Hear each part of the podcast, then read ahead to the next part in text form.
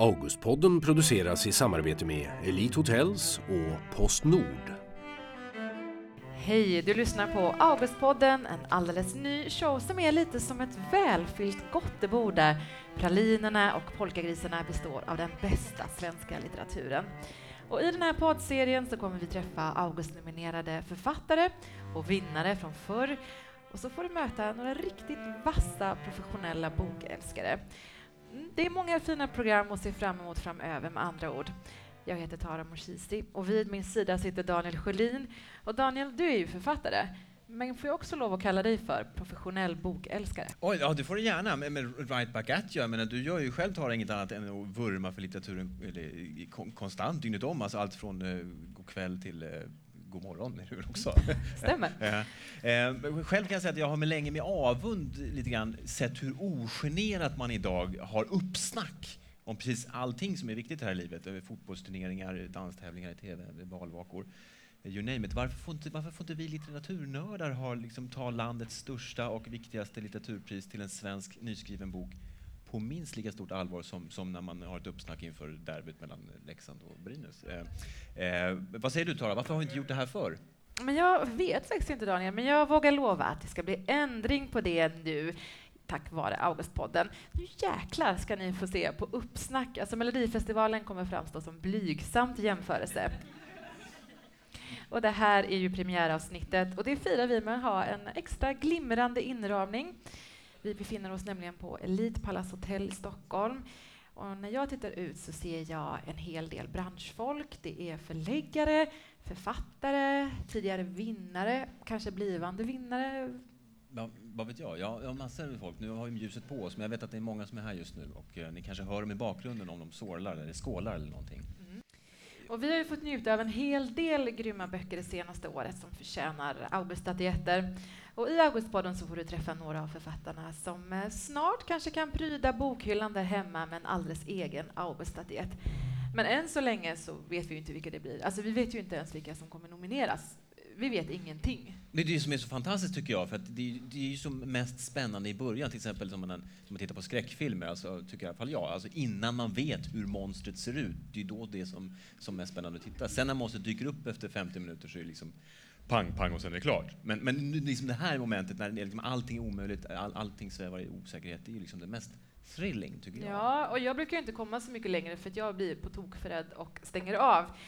Um, men så är jag också lite mer av en relationsdramatjej än en skräcktjej, även när det kommer till böcker. Så därför är jag extra lycklig över ungdomsboksutgivningen i år. Det har kommit en massa fina ungdomsromaner på just temat kärlek. Och det här med bultande hjärtan, det kan man ju faktiskt inte få nog av. Och kanske kan vi kalla det här för Jessica Schiffauer-effekten. Mm. Hon vann ju barn och ungdomsbokspriset förra året. Och hennes bok har ju ett väldigt mörkt tema, men handlar också till stor del om just kärlek. Kanske några läste, blev inspirerade och skrev egna böcker. Ja, vi får se. Det har också varit en hel del böcker som har debatterats i år. Eh, till exempel har det varit stort rabalder i våras om, om eh, Ebba Witt-Brattströms roman Århundradets kärlekskrig eh, som kom ut nästan parallellt med Horace Engdahls bok Den sista grisen. Båda kanske blir nominerade, eller bara den ena, eh, eller ingen. Mycket prestige står ju faktiskt på spel. Den sista grisen låter ju faktiskt som en ganska bra barnbok egentligen, Århundradets kärlekskrig, som, som en slags fackbok över hela mänskligheten. Eh, men de hör väl båda hemma i den skönlitterära klassen? Det gör se. de. Och utöver den skönlitterära klassen så delas det ut pris för Årets fackbok och Årets barn och ungdomsbok.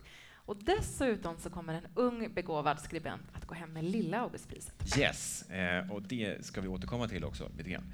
Eh, själv har jag annars märkt att ju äldre jag blir, eh, nu börjar jag komma upp i åldern där jag kan säga så här, ju äldre jag blir. Eh, När hände det förresten? Ja, det är för, för två år sedan, ungefär två och ett halvt år sedan. Eh, på dagen. Sådär. Men eh, det gäller att bli desto mer uppskatta böcker som liksom flyter mellan genrerna, alltså som man inte riktigt kan bestämma vad det här är för någonting. Till exempel har jag en favorit som är Aris Fioretos essäsamling Vatten gåshud som egentligen handlar om, om litteratur. Eh, eh, oklart vad, vilken genre den skulle hamna i. Men det brukar också bli en del överraskningar. Det till exempel är det inte alltid så dumt att vara debutant eh, när det kommer till Augustpriset. Augustjuryn brukar kunna liksom sticka in en, en debutant i den här högen med de dominerade böckerna. Eh, kanske Tone Schunnessons tripprapporter kommer att vara med i år. Vet du vad en, eh, det är en roman, vet du vad en tripprapport är? Nej, men jag vet det nu efter att ha läst den och googlat lite på det. Det är att man knarkar och sen så berättar man om det. Precis, vilket då inte Tone Schunnesson har gjort, men hennes romanfigur eh, så att säga, beger sig ut i det här eh, gränslandet. Eh, det är inte en genre som Platon skulle gilla, kan jag säga, för han menar att man inte kan lita på den skald som sjunger under rusets inflytande. Eh, faktum är att han inte menar att man kan inte lita på skalder överhuvudtaget för att eh, poesin i sig är tillräckligt mycket av en drog. Eh, faktum är att han eh, tyckte att författare överhuvudtaget ska man inte ha så mycket att göra med. De ska befinna sig utanför samhället och komma in på besök lite grann innanför stadsmurarna då och då och äta lite grann vid finbordet. Om man tänker efter så är det väl ungefär så som vi har det faktiskt fortfarande idag i samhället. Det är svårt att försörja sig som författare. Eh, någon given plats i samhället har man faktiskt inte om man inte då gör succé i offentlighet på något vis, vilket de flesta författare inte gör, utan håller sig på sin kant. Ja, jag är ändå glad att de är en del av samhället och inte bara kommer ner när det är dags att äta. Men man förstår ju också hur betydelsefullt just ett Augustpris är. Förutom 100 000 i kontanter så brukar det bli en ganska fin försäljningsboost. Man blir inbjuden till att föreläsa och eh, ja, det brukar droppa in en hel del inkomster. Sådär. Dessutom så har jag förstått att man har lättare att få sin bok översatt och såld till andra länder. Ja, och vilka författare har då störst chans att ta hem en Auguststatyett i år? Det ska vi snacka om nu med vår eminenta panel. Och här är de, Gunnar Wetterberg, Johanna Lindbäck och Jens Liljestrand. Varsågoda och kom fram. Gunnar Wetterberg, du är ju författare, historiker och dig har vi ju sett under den här hösten också i SVT-programmet Fråga Lund. Välkommen hit. Tackar. Sen har vi Jens Liljestrand, litteraturredaktör, också författare och biträdande kulturchef på Expressen. Och jämte dig sitter Johanna Lindbäck, skrivlärare, bokskribent och aktuell med ungdomsbokspodden Bladen brinner. Du är också författare och tidigare läsambassadör. Eh, hörrni, vi kan vi köra igång på en gång? Alltså, det finns ju inte så många litteraturpriser, eller det finns ju ett antal litteraturpriser runt i Sverige idag till, till, till, till svenska böcker. Eh, men det är ju få som har den här uppmärksamheten som Augustpriset har. Vad, vad är det som skiljer Augustpriset från de andra? De andra priserna gör ju inte det här. Nej, det de, de andra priserna ordnar inte jättesponsor-event eh, där man bjuder på vin och bjuder in förläggare och kultureliten. Kan de med eh, saken att göra? Ja, nej, men marknadsföring är ju väldigt viktigt och det där har ju August, det, får man ju, det får man ge dem, men det har ju August lyckats med. Helt enkelt. Vad säger ni andra? Bokhandeln. Mm. Jag menar länken till bokhandeln är ju det som är det unika och som gör att det här blir särskilt märkvärdigt. Det finns andra priser som folk kan bli kanske lika glada för därför att det visar att deras kollegor uppskattar dem eller någonting sådant. Men den här länken till bokhandeln och via bokhandeln till läsarna, den, den, är, den är ett genidrag, tycker jag, i konstruktionen av priset. Johanna Lindbäck, vad tänker du? Eh, jo, men jag tycker det vore bra om andra hade, tänk om Värmlands litteraturstipendium skulle ha, så man kommer in i alla bokhandlar i Värmland och så står det bordet. Det vore väl härligt med alla titlar. Ja, för det händer ju med Augustpriset att bokhandlarna ja, verkligen det exponeras. sig om att de ja. Eh, ja, hörni, jag tänkte om vi ska gå på, på, på årets böcker. Sportjournalisterna har ju sin mest klichéfyllda klassiska fråga, hur känns det? Eh, vi kulturjournalister har faktiskt våran mest klichéfyllda mm. fråga och det är, nu ställer jag den. Hörni, trender, tendenser i årets utgivning. Eh, hittar ni några?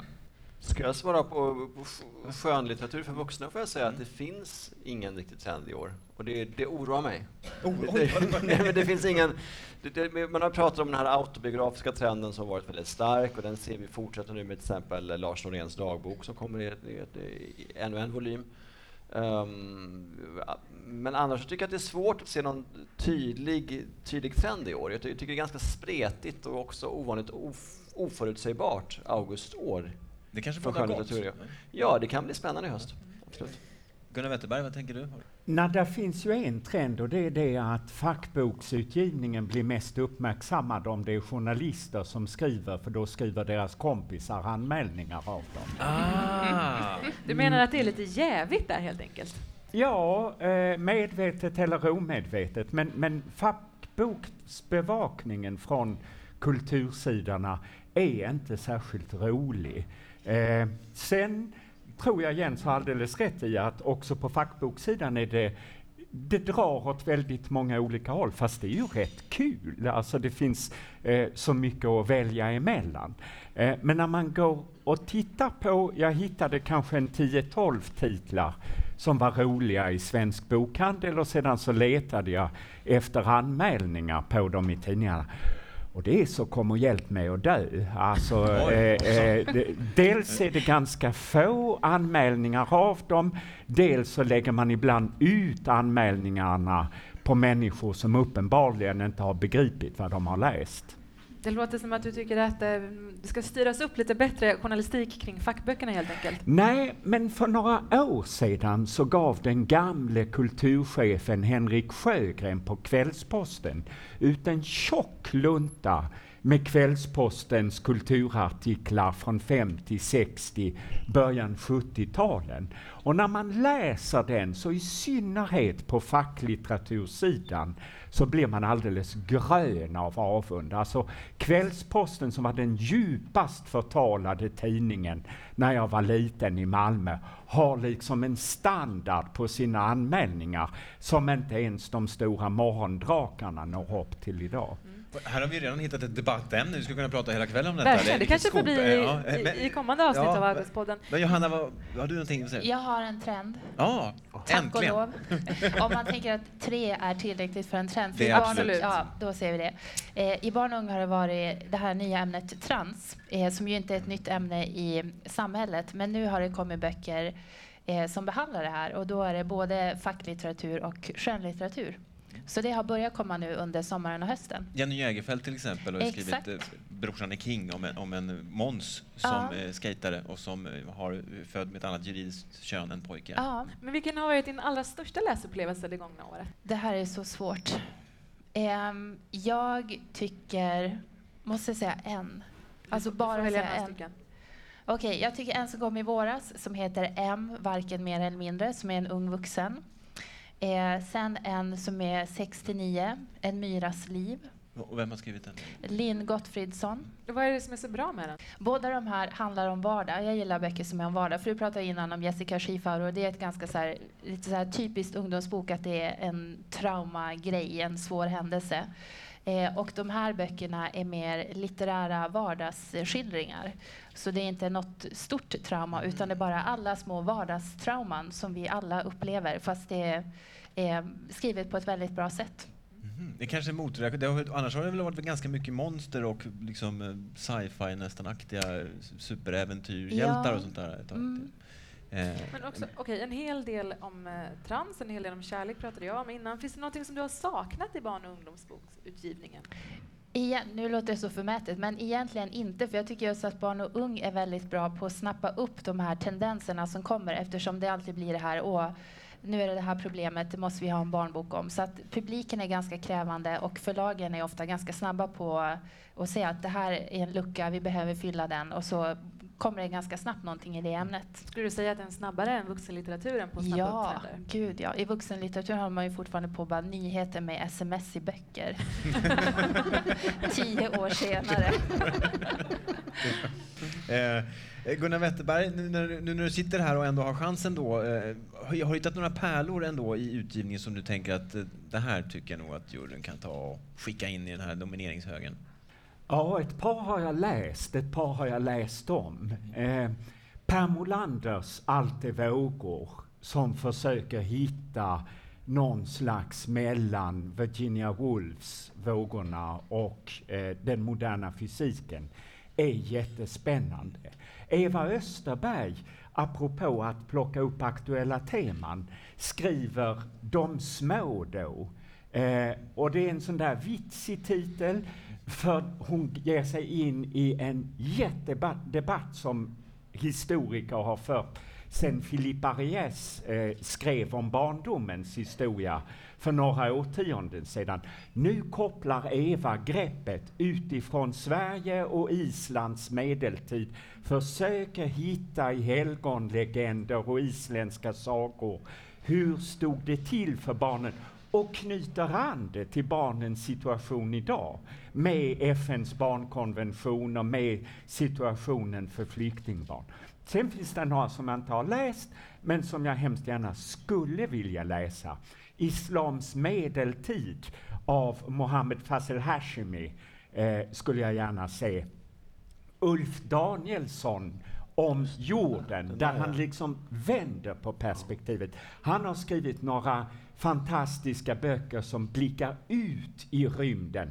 Nu tittar han från rymden in på vår tid med liksom fysiska teorier eh, eh, och sådant. Och det låter eh, jättespännande. Och sen en mera klassisk Augustbok, eh, Nina Burtons Gutenberg-galaxen. Det är ju, förlåt, det, det, det, det, för mig som kultursidesjournalist här så blir det tydligt att du inte, att du nämner ju inga av de böckerna som är de mest omtalade sakprosaböckerna, som till exempel Niklas Orenius, eh, Skotten Köpenhamn eller Elisabeth Åsbrink eh, 1947. Nej, därför att 1947 är så mycket bättre gjord av Henrik Meinander i 1944 om Finland för några år sedan.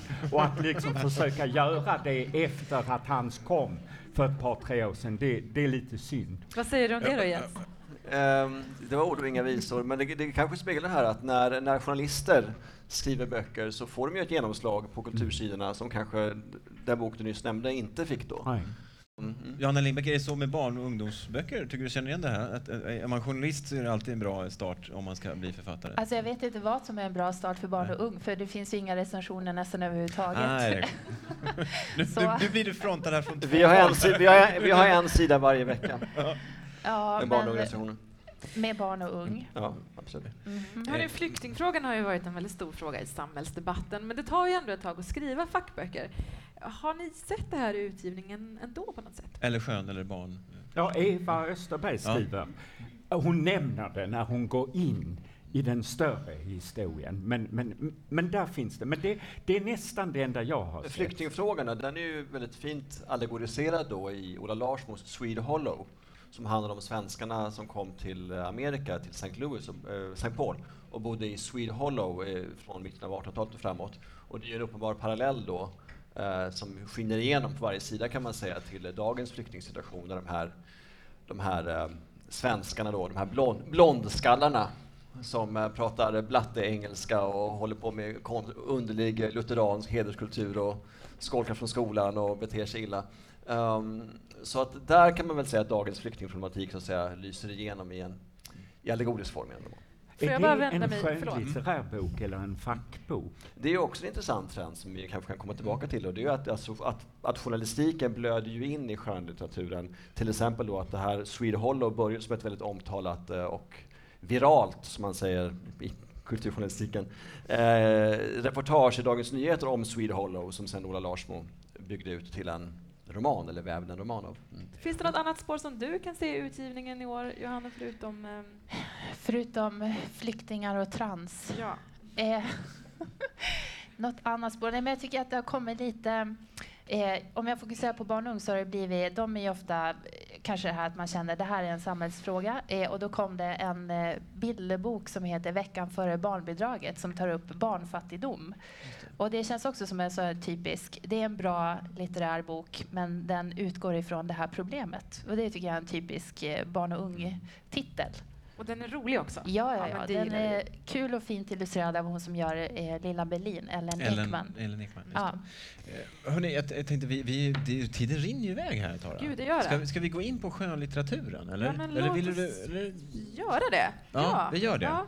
Så liksom, för det, det, det är ju liksom en kategori som vi inte har pratat så mycket om. Mm. Men, men först i och för sig så ser jag här att vi, vi måste ju dra en lans för Lilla Augustpriset också. Ja, det ska vi definitivt göra. Augustprisets plantskola där unga skrivande mellan 16 och 20 år tävlar om en lite mindre Augustgubbe. Vilket jag tycker är lite snålt faktiskt. man, eh, men den är inte desto mindre viktig. Nej, precis. Men det, egentligen så borde den vara större för att det är svårare att vinna Lilla Augustpriset än Stora Augustpriset. Det är 650 eh, eh, inskickade bidrag tror jag hittills i år. Det är betydligt, och det är liksom alla tävlar i samma eh, kategori där. Men Ja, vet du förresten Daniel, att över ett eh, dussin av alla som har nominerats till Lilla Augustpriset har också blivit författare sen.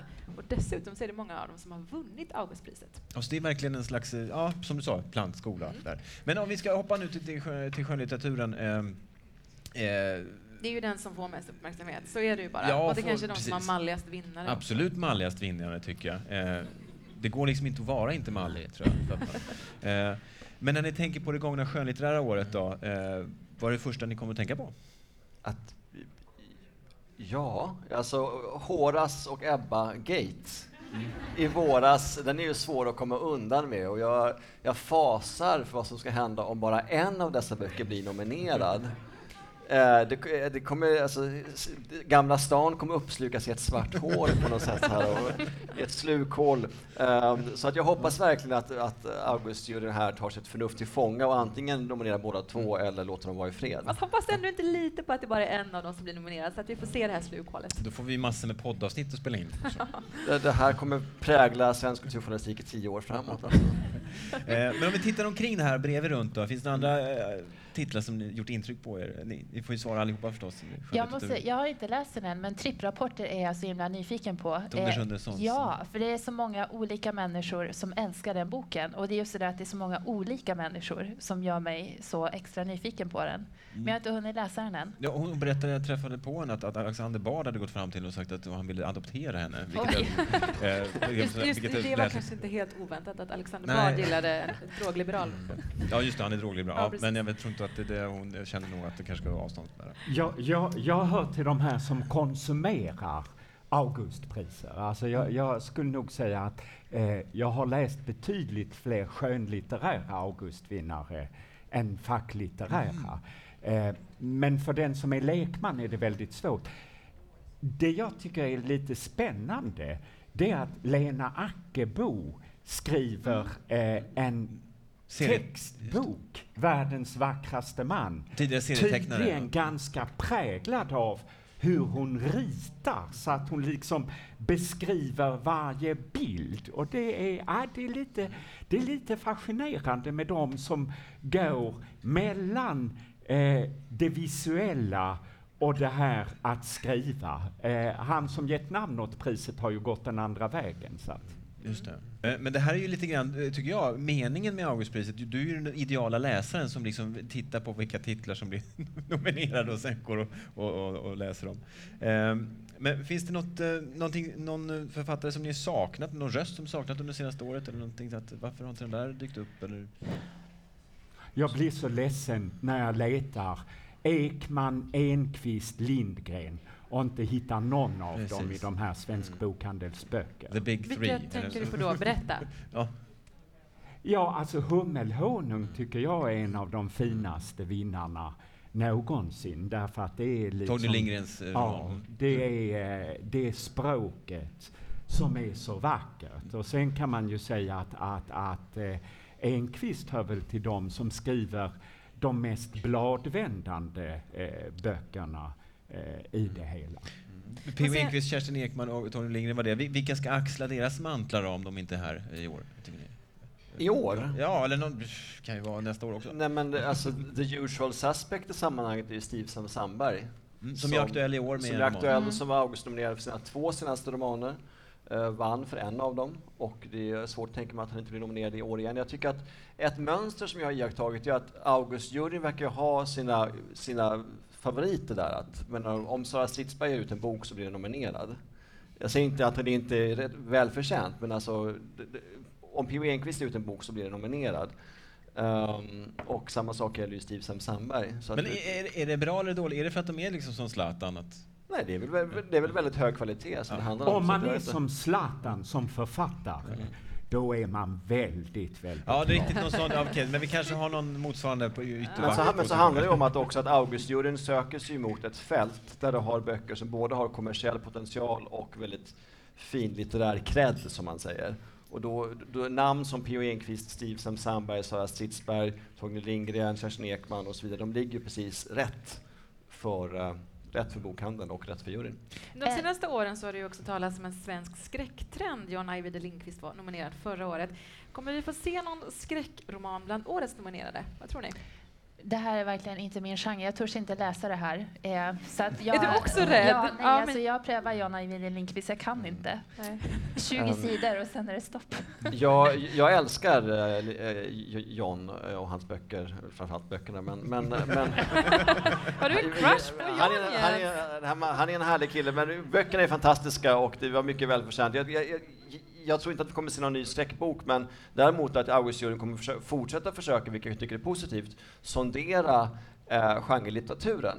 Och eh, I år så har det kommit eh, flera svenska deckare som, ska, som jag inte har läst men som sägs hålla en, en hög litterär nivå och man kan mycket väl tänka sig att någon av dem nomineras. Jan Vilka Arnald till på då? exempel kanske? Jan Arnald. Mm. Eh, eller uh, lykt, lykt, Lyktbäraren, lykt... Känner någon till den här boken? Lykt, Nej. Nej. Lykt, Vad är det? Lyktkällaren, lykt... Uh, vi har förläggare här ikväll, men ingen kan den här boken. Tittar Eh, frågandes på en varandra. deckarserie som utspelar sig under 1920-talet i Stockholm och som sägs vara mycket bra, där den nya romanen Nu sitter en arg författare någonstans och liksom och så äntligen benämnd med min bok. Jag såg den på mitt skrivbord idag, Klantskallarna Sebastian, så kan- det ska, det sägs så mycket bra. Mm. Eh, Men eh, vi, vi ska väl nästan börja avrunda snart, men jag måste få fråga eh, Men poesi. det där, ja. alltså, det där är ju ett problem. Alla bra böcker blir inte nominerade. Jag vet att eh, eh, det finns en duktig ung humanist som heter Anders Bergman som har skrivit en fin liten bok om humanismens födelse från eh, 1250 i Italien och framåt. Eh, och den har ni inte ens med bland nomineringarna. Men, den, den kanske, men nu har vi inte nominerat den, men den kanske Nej. kommer. Det vet vi inte men- alltså, Ja, det. Den finns inte med bland de som är nominerade för att bli nominerade. Jaha, okej. Den är inte... Finns en sån? Ja, precis. Förläggaren har inte skickat in den. Just det. Eh, För det är ju så att förlagen skickar in till det här. Precis. Eh, Men en sak, vi nämnde förut eh, Tone Schonnessons tripprapporter. Hon är debutant och det är ju ofta med en debutant bland de nominerade. Mm. Vilka andra debutanter tror ni att vi kommer få se i år? Jag kan ju flera stycken nästan debutanter, men ingen, ingen ren debutant. Men eh, flera tidigare katapultprisvinnare eller katapultprisnominerade uh, tror jag ligga bra till. Uh, Maxim Grigoriev, det. boken Nu. Katapultpriset är ju ett debutantpris, kan man säga, så att det är andra att- boken att- typen. men så. jag- Men ja, alltså på min debutantlista så står egentligen Tone Schunne, för jag, vill, jag har också sett det här mönstret, att det är alltid någon någon så att säga debutantkvot som Au- Augustjuryn eh, har och där, där ser jag Schunnesson som en klockren kandidat. Eh, Jana Lindbäck, det har kommit flera, böcker, eh, flera barnpoesiböcker i år på sistone. Eh, tror du poesin har någon chans? Ehm, jo, det kan jag tro. Eh, för Göran brukar ju tycka om bilderböcker och ungdomsböcker. Och många av poesiböckerna hamnar i bilderböcker. Eh, Ulf Stark har gjort en jättefin till exempel som heter Djur som inte finns med illustration av Lina Bondestam. Den är jättebra. Men det har kommit flera stycken i år så det här är också en liten trend. Också För- Mårten Melin vet jag, som, ju- det är inte en bilderbok utan det är liksom mer... Det är lite mer 9 till 12. Eh, Jag är i princip för alla böcker som innehåller djur. Det vill jag bara tillägga. Det blir alltid roligt. Släng in ett djur och det blir bra. Den, den sista grisen. den sista, där har vi den. eh, århundradets kärleksgris. Ja. Ja, hörni, ehm, vi måste bara prata om lite här med, alltså, finns det någon titel som ni tycker så här, det finns ju alltid en risk för besvikelse när man hör om de nominerade. Finns det någon bok som ni anser så här, där känns det fel att inte nominera den här boken? I fjol, Tom Malmqvist. Vid varje ögonblick är vi fortfarande vid liv. En fantastisk bok som har översatts till flera språk. En av, de- en av de mest internationellt framgångsrika finlitterära böckerna i Sverige på många år. Uh, och som helt bortglömdes av, eh, eller bortvaldes av Augustjuryn i fjol. Och jag är fortfarande lite sur för det måste jag säga. Eh, och det var, det var ju debatt om det lite grann. Men tror ni att det kan bli någon debatt om någon bok i år om den inte kommer med? Gunnar Wetterberg, vad tänker du? Det här. Fast du är i och för sig redan på en annan linje. Du tänker att det blir bra om det liksom... Johanna Lindbäck. Kanske, eh, jag tänker bara att Eva Lindström brukar ju bli nominerad. Hon har När 14 eller 15 Det är som att hon nomineringar. Ja. prenumererar på Ja, nomineringar. och hon har kommit med en ny bok i år och tänk om den inte blir nominerad. Och jag tänker, jag undrar om hon tycker att det är jobbigt eller skönt. Jag har träffat henne en gång. Jag tror att hon kommer tycka att det är skönt. Faktiskt. Ja. eh, Men, men det är ingen sån här liksom att, vad fals? En ny Tom Malmqvist eh, eller någon sån. i Någon. Jag skulle nog bli, eh, jag skulle nog bli väldigt förvånad ifall Ola Larsmo inte var nominerad i år. Också om inte Therese Boman, Aftonland, var nominerad i år. Eh, det, de två böckerna ser jag som ganska självklara faktiskt. Ja, då tackar vi vår eminenta panel. Tack så mycket Gunnar Wetterberg, Jens Liljestrand och Johanna Lindbäck. Tack.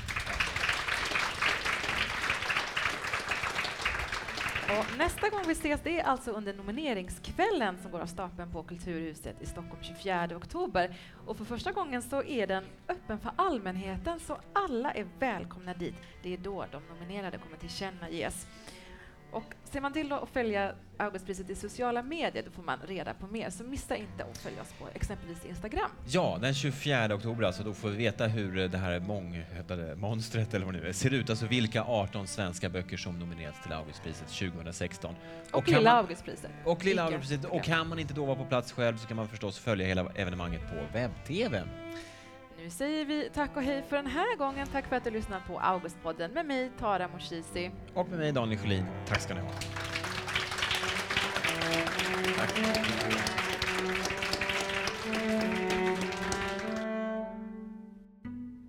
Augustpodden produceras i samarbete med Elite Hotels och Postnord.